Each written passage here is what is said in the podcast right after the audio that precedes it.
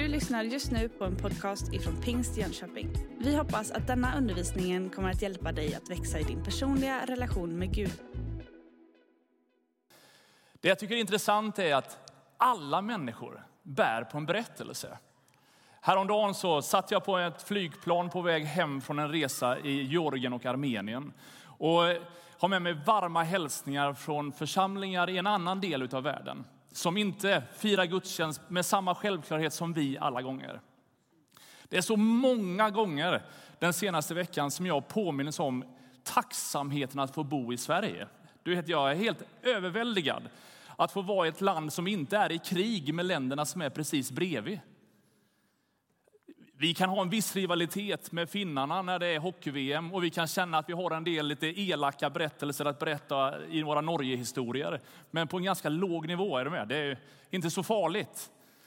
Men ta Armenien som inte är välkomna till Azerbajdzjan för att man är i krig med Azerbajdzjan. Man eh, är inte välkommen till Turkiet för där eh, är det meningsskiljaktigheter sedan det folkmord som hände i början på 1900-talet. Förbundsförvanterna är Iran och Ryssland. Vilka bästa kompisar man kan ha, eller hur? Georgien, ett annat land som på samma sätt kämpar med, med sina utmaningar. Som lever där i den här smältdegen av olikheter. Det som är fascinerande är att mitt bland allt detta kaos som kan vara i olika länder så har jag fått sitta ner med människor och lyssna till deras berättelse. Och jag har fått berätta min. Och sprängkraften i när vi delar våra berättelser med varann, den är fantastisk. Oavsett vilken historia du kommer ifrån, oavsett vilken framtid som väntar dig, så är vi alla en del av den stora berättelsen. Gud har en tanke med varför just du finns. Gud har en plan för ditt liv och han har en ambition, en passion och en tanke med hur du ska kunna få vara i hans tjänst och vara nära honom. I början på det här året så hade vi en visionssöndag. Jag vet inte om du hade möjlighet att vara med då. Under några söndagar i januari så pratade vi, läste olika bibeltexter och så drömde och talade ut vissa saker som vi ville sträcka oss mot som kyrka för det här året som då låg framför oss och som nu vi har kommit en ganska bra bit utav. Och vi har en, liksom en visionstext som är skriven sedan några år tillbaka. Och där, där säger vi att vi vill vara en växande gemenskap där människor finner livet med Jesus och som växer i tro på honom. Att vi vill ge människor hopp och vara en kyrka som är kärlek, är med och gör Jönköping och världen till en bättre plats. Det där är ju vackra ord, saker som vi på ett sätt liksom vill ska smitta oss. Men hur blir det verklighet? Hur får det liv? Jag är otroligt tacksam för att vi är många som firar gudstjänst här i det här rummet just nu. Men att vi inte i den här visionstexten säger att vi bara vill vara många människor, utan vi vill att det ska få vara en fungerande, levande gemenskap. Och då är det inte bara mängden människor som räknas, utan där räknas varje människa. Där är du unik och det är någonting som fattas i gemenskapen om du inte är med. Är du inte redan med i en smågrupp så skulle jag vilja särskilt uppmuntra dig att gå ut i vårt välkomstcenter efter gudstjänsten och säga jag vill vara med i en smågrupp. För att i den här stora gemenskapen är det lite svårt att på något sätt dela livet öppet med allt och alla och ställa sig upp och säga precis det man brottas med. Men i den lilla gruppen där man möts i någons vardagsrum eller vid någons köksbord i en liten förtrolig miljö kunna liksom dela lite grann av sina innersta tankar med varandra, det är ovärderligt. Och jag vill bara rekommendera dig till att göra det. Men den här veckan, eller en och en halv vecka som ligger bakom, så har ju vår kyrka synts i olika tidningar och olika tv-program. Och jag skulle verkligen vilja som pastor, föreståndare i den här kyrkan, och jag tror att jag kan tala för oss alla i det här rummet, säga ett jättestort tack till Ulrik, Katrin, Amir, Ulrika, alla i vårt volontära arbete kring vårt flyktingmottagande, svenska kurser. Och ni har gjort det helt fantastiskt bra. Det har inte varit enkla passager. Det har inte varit enkla frågor att hantera. Men jag är så stolt och tacksam att få vara en del av en kyrka som inte bara har vackert formulerat på ett visionsdokument utan som i skarpt läge är beredda att säga vi är beredda att både stötta den som är i den djupaste av mörker och samtidigt ta en fight för dem som ingen riktigt vill fightas för. Ska vi bara be en bön av välsignelse för det Guds ord vi alldeles strax ska läsa och så ska vi innesluta särskilt det som vi skriver i den här texten, att i kärlek göra, med, göra skillnad i våran stad och i våran värld. För lika skönt och härligt som vi har det här inne nu, motsatsen pågår inte så långt från den här byggnaden alla gånger. Och kanske är det så att du sitter till och med med här som känner en sån desperat längtan efter frid. Så som du har hört beskrivet i de här berättelserna, det kan få bli din berättelse. Vi ska be om det. Jesus, jag tackar dig för förmånen att få lägga resten av den här dagen i dina händer. Tackar dig Jesus för att du ska vara med vår, oss som kyrka är det som ligger framför oss. Tack Gud för att du har lagt ett uppdrag i våra hjärtan. Att få vara med och hjälpa människor att upptäcka vem du är. Du som är sanningen och livet. Och Herre, jag bara tackar Jesus för att du har varit med de här senaste dagarna som har varit ganska stormiga för många människor. Jag vill be om din frid över varenda flykting som har kommit till vårt land. Herre, jag ber om att din frid skulle få ge kraft och liv till varenda barn som just nu kämpar med olika saker. Herre, vi skulle kunna räkna upp massor med exempel på nöd som ropas från Sverige just nu. Och tack för att du är levande, tack för att du är verksam, tack för att du vill göra skillnad för varje människa. Och jag ber dig här att din ande skulle fortsätta att tala till oss. Så att vi som din kropp, din kyrka, Få göra det som du har lagt i våra händer att göra. Herre, vi ber om din välsignelse över den här dagen och allt det som ligger framför oss. I Jesu namn. Amen. Jag tror inte att du kanske kommer ihåg glasklart vad jag predikade om på den där visionssöndagen i januari. Jag vet inte, vi skulle kunna ha ett litet läxförhör här kanske. Har du koll på vad vi pratar om då? Men faktum är att det är en bibeltext som har kommit tillbaka gång på gång på gång i mitt liv inför den, de söndagarna som var i januari, men som ständigt återvänder. En bild av vad jag skulle önska att jag med mitt liv fick vara och att vi som kyrka skulle få betyda. Och har du din bibel med dig så får du gärna följa med till Lukas evangeliet kapitel 10. Så är det Jesus som får en fråga och så försöker han berätta en berättelse utifrån den. Och så här står det i Lukas evangeliet. Sedan kom en laglärd fram för att pröva honom och frågade, Mästare, vad ska jag göra för att få evigt liv? Jesus sa till honom, vad står det skrivet i lagen? Hur läser du där? Han svarade, du ska älska Herren din Gud av hela ditt hjärta, av hela din själ och av hela din kraft och av hela ditt förstånd och din nästa som dig själv. Jesus sa till honom, du svarade rätt. Gör det så får du leva. Då ville mannen rättfärdiga sig och frågade Jesus, vem är då min nästa? Jag kan stanna där en liten stund. När Jesus får frågan vad som är det viktigaste i livet så talar han om att du och jag behöver lära känna Jesus på ett sånt sätt så att han blir det bästa, det viktigaste, det största, det som är kraftkällan i ditt liv. Den personliga erfarenheten av vem Gud är. På ett sånt sätt så att det inte bara är lite fina tankar som du på något sätt navigerar ditt liv utifrån med värderingar. Utan ett liv där du får älska Gud. Det är inte bara att jag tror på honom, jag tror att han har skapat världen, eller det är lite fint. Utan älska innefattar ju otroligt mycket av vem jag är och hur jag lever mitt liv. Det jag har märkt är att kärleken som drivkraft slår allting annat. Det jag verkligen älskar, det som jag verkligen håller högst, ja, det påverkar alla mina livsprioriteringar. När jag skulle åka hem från Georgien här i fredags så kom jag till en stor flygplats i München med massor med folk som springer åt olika håll. Och så ser jag att bland alla dessa flyg så lyckades jag nu, om jag skulle kunna övertala rätt person, hinna med ett tidigare flyg än vad flygbolaget som hade bokat min biljett trodde att jag skulle kunna hinna. Rent tidsmässigt så såg jag en lucka och du vet, kärleken tvingar till handling. Så att man så här kreativt försöker prata med den där personen som står där. Du, jag är bokad på den. Skulle jag kunna åka på den här? Ah, jag vet inte ifall vi kan göra så. Jo, men du vet, man hittar sina vägar. För att jag älskar min familj. Jag hade varit borta från dem liksom en tid och kände nu vill jag bara hem. På samma sätt när vi älskar Gud, när det är drivkraften i våra liv, så händer det massa saker.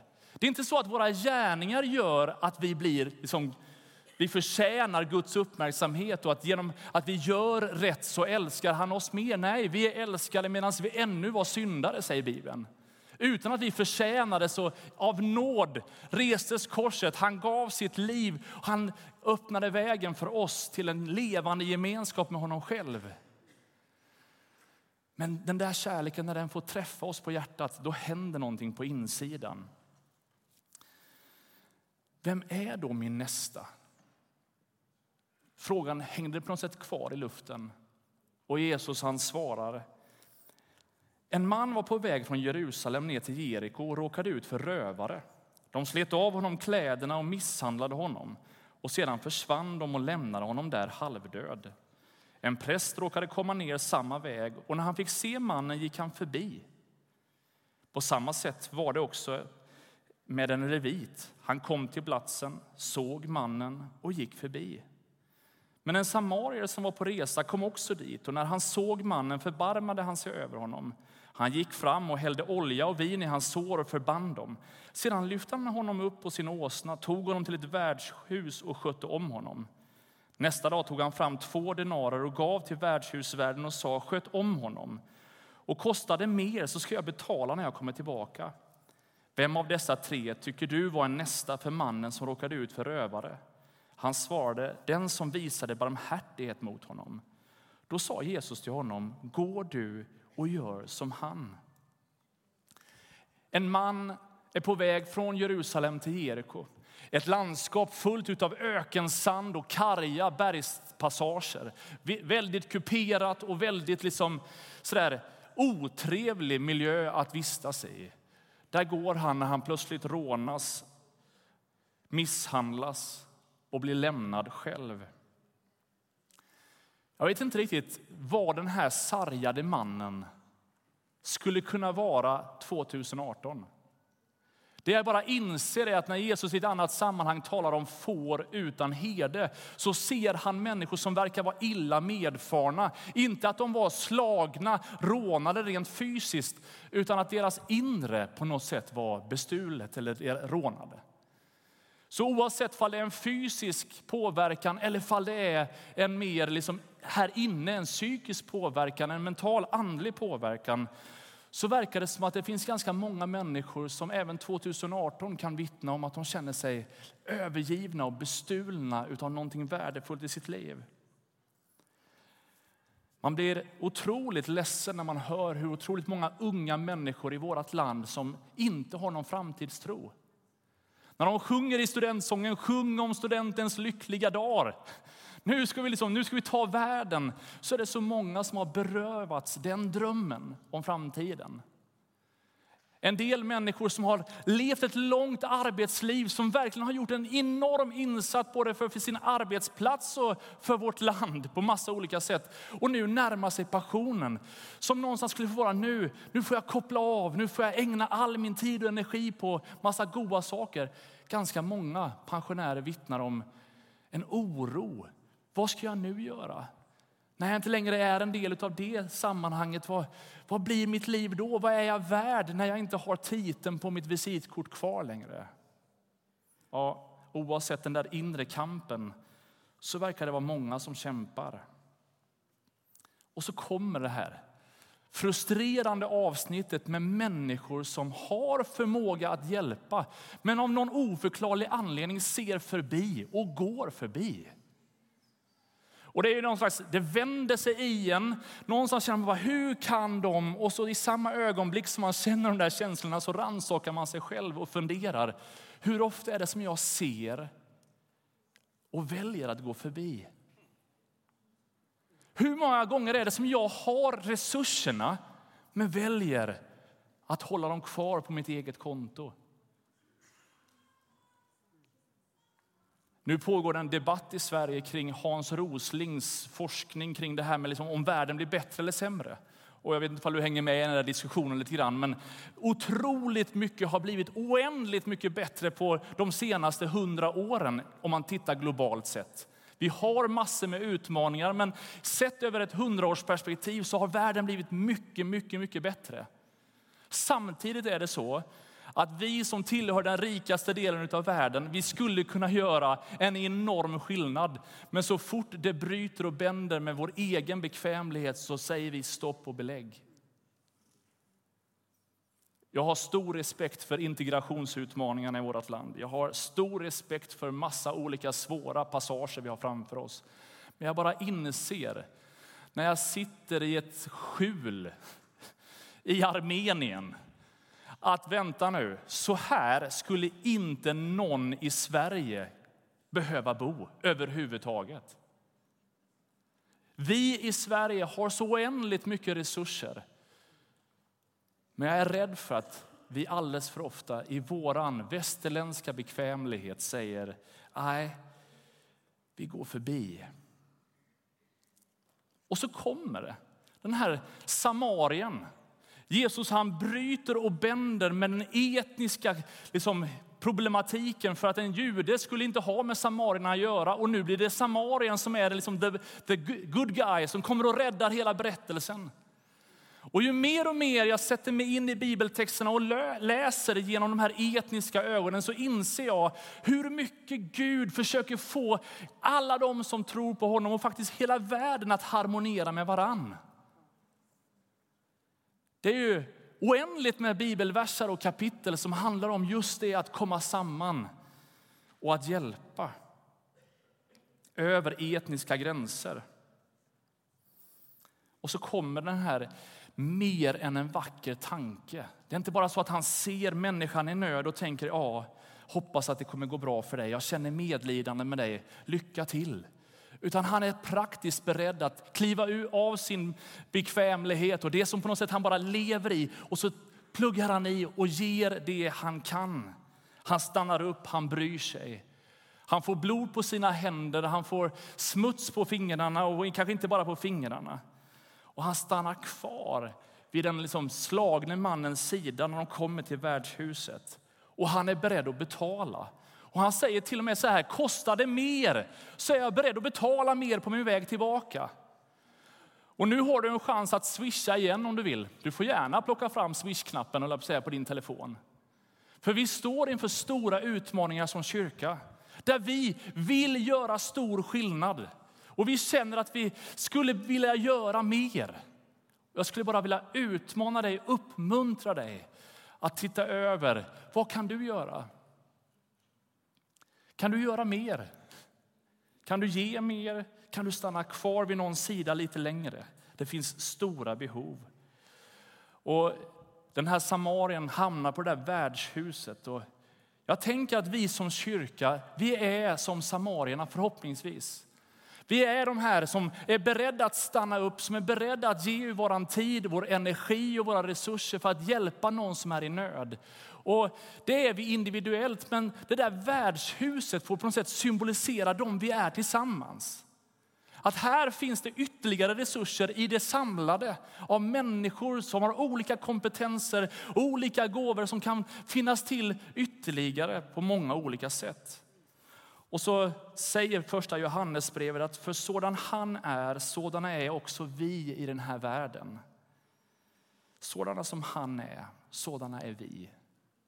Tänk om det skulle kunna få vara så man pratar om ditt och mitt liv. Att ju mer man lär känna Jesus, ju mer fylls man av det. Att ah, men så är ju även Pings Jönköping. En kyrka som inte bara går förbi, utan som stannar upp, tittar människor i ögonen och gör vad man kan för att hjälpa. Vi kan inte göra allt. Vi har inte allt som liksom men vi har ganska mycket. Och vi fokuserar inte på det som vi inte kan och det vi inte har, utan det vi har, det vill vi ge. Med de liv vi lever vill vi göra skillnad. För några dagar sedan så satt Mattias och jag är hemma hos en familj i Armenien som Alltså jag fattar inte rent mänskligt hur de får sin ekonomi att gå ihop. De har nästan ingenting att leva på. Och ändå så verkar de så superlyckliga och tar hand om sin familj och har det gott. De har bestämt sig att på sitt tak ha ett litet minibageri där de bakar ett bröd som är väldigt billigt. Så att de flera gånger i veckan kan baka det brödet och besöka ännu fattigare människor och ge dem mat för dagen. Och jag tänker så här, ni har ju ingenting själva. Det verkar som att ert liv knappt går ihop som det är. Och så har ni ändå bestämt er för att någonstans på era tak göra mer för de som har det ännu sämre. Och jag bara utmanas av deras osjälviskhet, deras enorma iver att göra vad de kan för andra människor. Ibland är det så lätt att vi jämför oss med någon slags Instagramflöde av alla andra som är mycket lyckligare och har det mycket bättre och gör mycket mer saker. Och tänker att oj vad, vad knappt jag har det. Nej. Tänk om vi skulle ta ett steg tillbaka och bara inse att med det lilla jag har kan jag ändå göra stor skillnad för andra människor.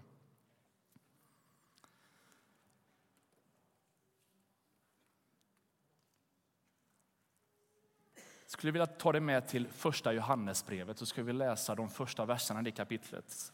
Första Johannesbrevet kapitel 1. För när man pratar om den här barmhärtige samariten så är det så lätt hänt att vi, vi får någon slags flås i nacken av att jag, jag borde prestera mer än vad jag redan gör och så får jag någon slags prestationsångest som låser och som skapar kramp. Istället för att någonstans bli ett naturligt utflöde av någonting som bara pulserar på insidan. Drivkraften den måste komma inifrån och den föds från erfarenheten av ett personligt möte med Kristus. Här säger Johannesbrevet. Det som var från begynnelsen, det vi har hört, det vi med egna ögon har sett, det vi har skådat och rört med våra händer om detta vittnar vi, livets ord. Livet har uppenbarats, vi har sett det och vittnar om det och förkunnar för er det eviga livet som var hos Fadern och uppenbarades för oss. Det vi har sett och hört förkunnar vi för er, för att också ni ska ha gemenskap med oss. Och vår gemenskap är med Fadern och hans son Jesus Kristus.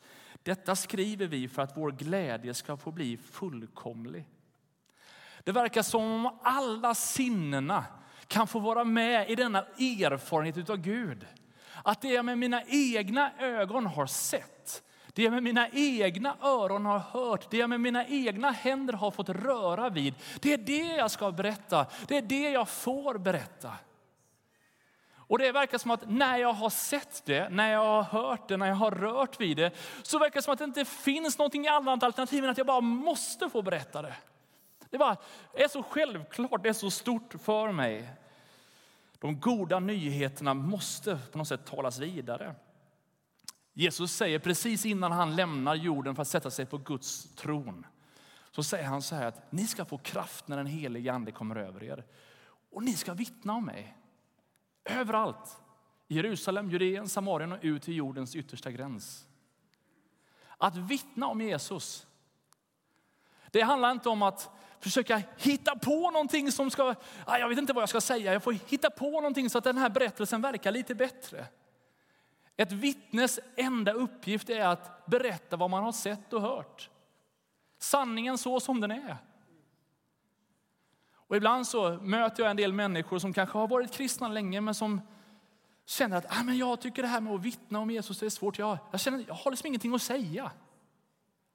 Vad, vad, ska jag berätta? Jag har inte någon sån dramatisk upplevelse att jag, jag levde som multikriminell och var i maffians alla understa grenar och gjorde massa dumma saker och så mötte jag Jesus och nu så är jag Moder Teresa som har byggt ett sjukhus och bara förändrar världen.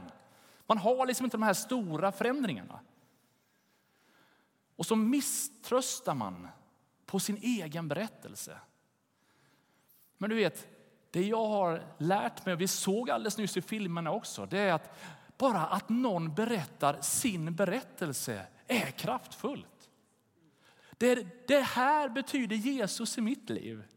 Det, det är det här som jag har upplevt tillsammans med honom. Det fascinerar alltid och har någon slags attraktion och dragningskraft. Och om du har varit kristen kanske hela ditt liv, kanske nu är plus 75 år, du är, har många, många, många, många decennier av erfarenhet och tycker att jag, har, jag har inte så mycket att berätta. Så skulle jag vara väldigt nyfiken och bara höra, hur har du bevarat tron genom alla dessa år? Du har ju måste varit med om både jättebra saker och många svåra saker och ändå håller du fast vid tron. Hur, hur, varför då? Alla här inne har en berättelse att berätta. För faktum är att jag skulle vilja dra det så långt att det finns ett femte evangelium som håller på att skrivas. Matteus, Markus, Lukas, Johannes och så ditt liv. Så här säger andra Korinthierbrevet 3 att ni är vårt brev skrivet i våra hjärtan, känt och läst av alla människor. Det är uppenbart att ni är ett Kristusbrev skrivet genom vår tjänst, inte med bläck utan med den levande Gudens ande, inte på tavlor av sten utan av tavlor av kött i era hjärtan. Du är det femte evangeliet. Ditt liv är ett Kristusbrev, de goda nyheterna till människor runt omkring dig. Som är tänkt att läsas och bli känt av alla. Inte för att glorifiera oss, inte för att liksom wow vilket spännande liv. Utan för att ge honom ära, för att visa människor vem han är. Du är ett brev. Ibland får man olika brev. Ibland får man de här sköna räkningarna som ska betalas alla de här kravgrejerna. Ett tips från coachen är att om du har registrerat en digital brevlåda, se till att du kollar i den så att inte en del räkningar slutar komma och du känner bara åh, vad gott. Och att de dyker upp lite senare och har kryddats med lite extra siffror. Jag har bara hört från någon väldigt närstående att det är väldigt dumt att inte läsa av den där brevlådan. Men jag skulle vilja säga till dig, måtte inte brevet som du och jag lever vara ett sånt där kravbrev. Att Pingst Jönköpings brev till den här världen är pekpinnar och liksom huta åt människor och uppfordra alla att göra på ett annat sätt. Utan att du och jag skulle få vara det kärleksbrev som Gud har tänkt att du och jag ska vara. I vår visionstext säger vi att vi i kärlek är med och förändrar den här världen.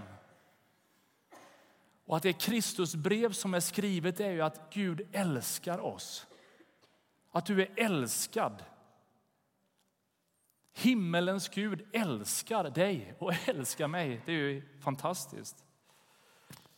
Det där Kristusbrevet behöver berättas. Varför vi har sagt att den, hela den här dagen ska handla om en personlig berättelse är dels för att vi tror att det finns någonting i berättandet som gör att du och jag kommer varandra närmare. När du berättar din berättelse, jag får lyssna på din berättelse, så förstår vi mer om varann. Och vi faktiskt, någonting av den där delaktigheten föder både gemenskap och kärlek till varann. Och I vår församling så har vi under det här året känt av att ah, men, vi har en längtan att komma varandra närmare. Vi vill verkligen att relationer ska bli starkare över generationer, över etniska liksom, kulturer vi kan komma ifrån. Vi behöver komma varandra närmare. Men det är inte bara sådär för vår egen skull. Utan den här världen behöver höra våra berättelser. Apostlagärningarna 4 talar om att lärjungarna står inför ett stora rådet möte där de överste prästerna säger att ni får inte längre prata om det här. Vi vill att ni ska vara tysta om det här. Vi vill inte höra om Jesus och korset och uppståndelsen. Det, det bara stör hela den här ordningen som vi har. Ni måste hålla tyst, annars kommer vi prygla er. Och lärjungarna säger bara, men vänta nu, ska vi lyda Gud eller människor? För vi, vi kan inte tiga med vad vi har sett och hört.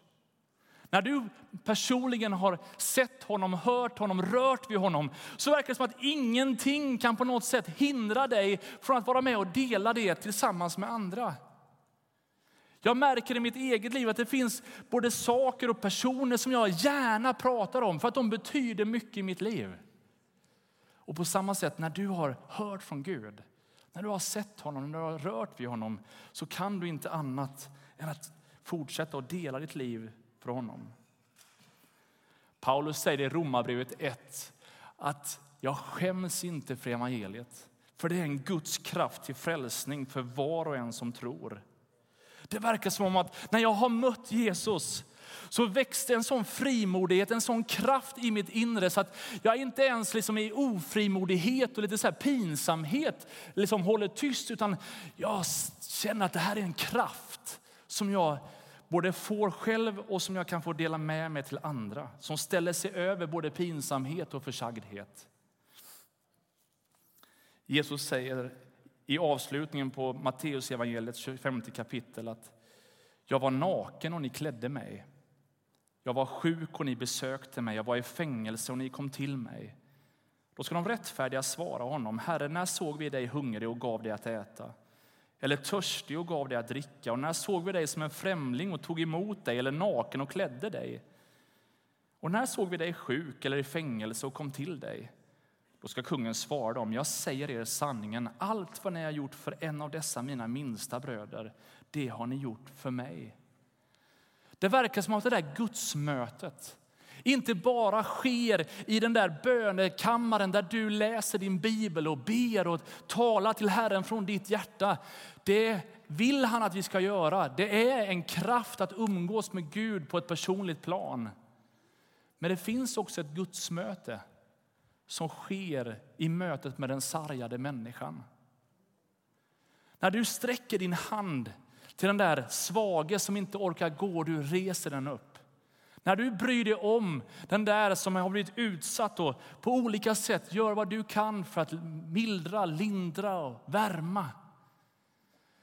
Så kanske du inte tänkte på. Men i den här texten blev det synligt att Kristus själv kommer dig till mötes i det ögonblicket. Vilket innebär att den personliga berättelsen sker i så många dimensioner. När du är med och faktiskt gör evangeliet så blir din berättelse iakttagen. Du gör det inte för syns skull, du gör det inte för att se bättre ut. Men det blir en berättelse som skapar en trovärdighet till allt det som du säger. Det spelar liksom ingen roll hur många banderoller vi tapetserar den här staden med. Om inte våra liv går i takt med det som vi säger så urgröps hela trovärdigheten i det vi försöker säga. På samma sätt så stärks alla orden utav ett liv som så tydligt predikar. En av de tidiga kyrkofäderna sa just det. Gå ut och evangelisera, missionera, sprid evangeliet över hela skapelsen. Och om det behövs, så använd ord. En del av oss i det här rummet, vi pratar mycket, ibland kanske för mycket. Använder många ord och mycket ord och har lätt för att på något sätt tala och vara verbala. Ibland kan vi ha en övertro på våra ord. En del av er som sitter här skulle tycka det var fruktansvärt att få en mikrofon i handen. Låt inte den personliga berättelsen handla om en estrad eller en publik. Eller eh, det finns liksom inte så i Guds tänkande. Utan den personliga berättelsen har alltid en kraft, en dynamik. Men frågan är, fall det just är en personlig berättelse. Är det så att du själv har sett, hört och rört vid honom? Är det så att din tro är just din tro? Där du kan känna, jag har själv mött honom. Jag känner ju honom. Den här gudstjänstens kärna idag är att hjälpa dig till ett sådant gudsmöte. Oavsett fall du aldrig tidigare har tagit ställning till Gud i ditt liv eller inte eller fall det var så att du har bestämt dig för att liksom tro på Jesus men det känns som att den där relationen är inte så levande som du egentligen skulle önska att den var. Ska vi resa oss upp över hela kyrkan? Ska be att lovsångsteamet kommer fram.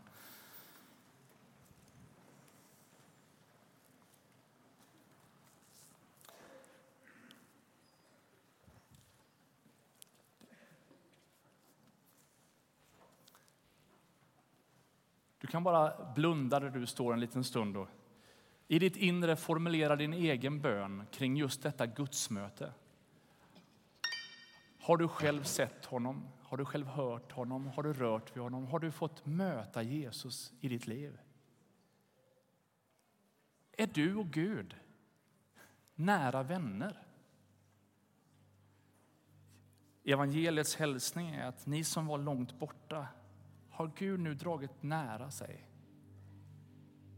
Du som egentligen inte var värdig har gjorts värdig i kraften av det han gjorde på korset.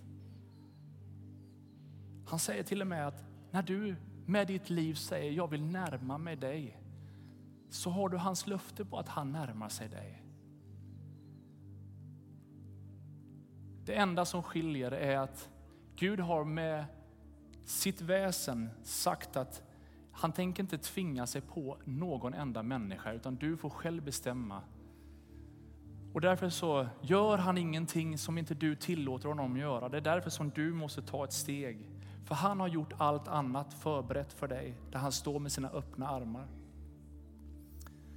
Men medan alla bara ber och prövar sitt eget hjärta så skulle jag vilja enkelt be en bön för dig som i den här gudstjänsten känner att den där personliga tron längtar du efter, det skulle du vilja ha.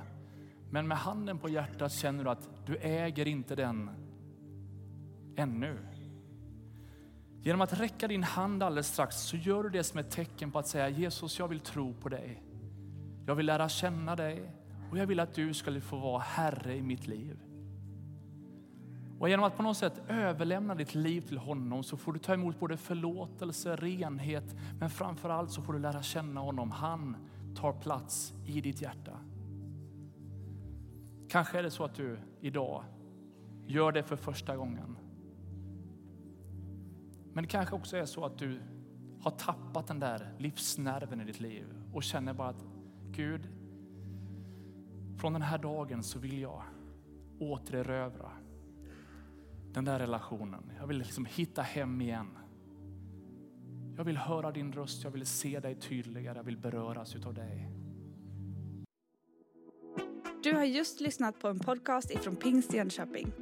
För att få reda på mer om vilka vi är och vad som händer i vår kyrka så kan du gå in på pingstjonkoping.se eller följa oss på sociala medier via pingstjkpg.